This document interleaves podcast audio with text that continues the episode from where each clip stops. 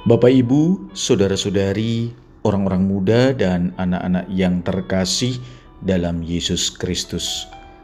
Selamat pagi dan selamat hari Minggu. Salam bahagia dan salam saroja untuk kita semua berkah dalam. Bersama dengan saya Romo Antonius Garbito Pambo Haji menyampaikan salam dan berkat Allah yang Maha Kuasa dalam nama Bapa dan Putra dan Roh Kudus. Amin.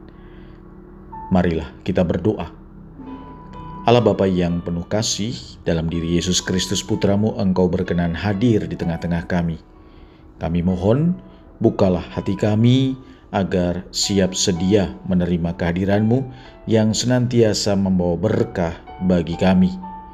Dengan pengantaran Yesus Kristus Putramu Tuhan kami, yang bersama dengan Dikau dalam persatuan dengan roh kudus, hidup dan berkuasa, Allah sepanjang segala masa. Amin. Hari ini Minggu 17 Juli, kita memasuki hari Minggu biasa ke-16. Bacaan pertama dalam liturgi hari ini diambil dari kitab Kejadian bab 18 ayat 1 sampai dengan 10. Bacaan kedua diambil dari surat Rasul Paulus kepada jemaat di Kolose bab 1 ayat 24 sampai dengan 28. Bacaan Injil diambil dari Injil Lukas bab 10 ayat 38 sampai dengan 42. Marilah saudara-saudari kita mendengarkan Injil suci menurut Lukas. Dalam perjalanan ke Yerusalem, Yesus dan murid-muridnya tiba di sebuah kampung Seorang wanita bernama Marta menerima dia di rumahnya. Wanita itu mempunyai seorang saudara bernama Maria. Maria ini duduk di dekat kaki Tuhan dan terus mendengarkan perkataannya. Tetapi Marta sibuk melayani. Ia mendekati Yesus dan berkata, "Tuhan, tidakkah Tuhan peduli bahwa saudariku membiarkan aku melayani seorang diri? Suruhlah dia membantu aku." Tetapi Tuhan menjawabnya, Marta, Marta, engkau khawatir dan menyusahkan diri dengan banyak perkara. Padahal hanya satu saja yang perlu.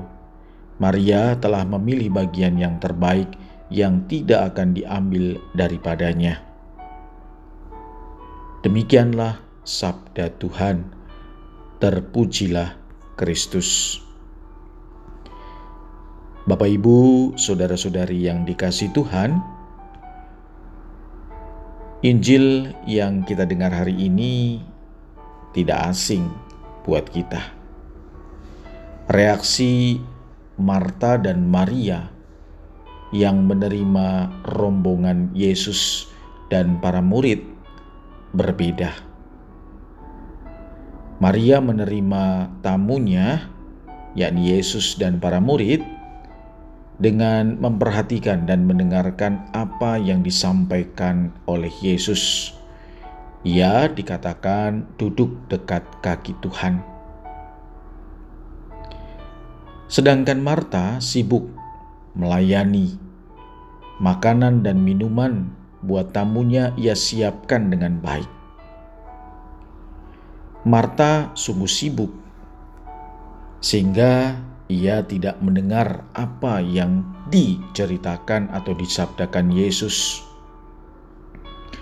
Bagi Yesus, yang penting adalah mendengarkan kata-katanya, mendengarkan sabdanya. Yesus bercerita, Yesus mengajar.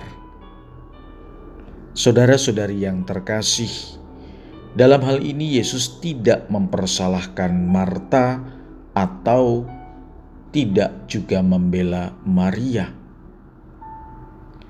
Yesus sama-sama memberikan penilaian baik, tetapi rupa-rupanya Yesus mengingatkan Marta.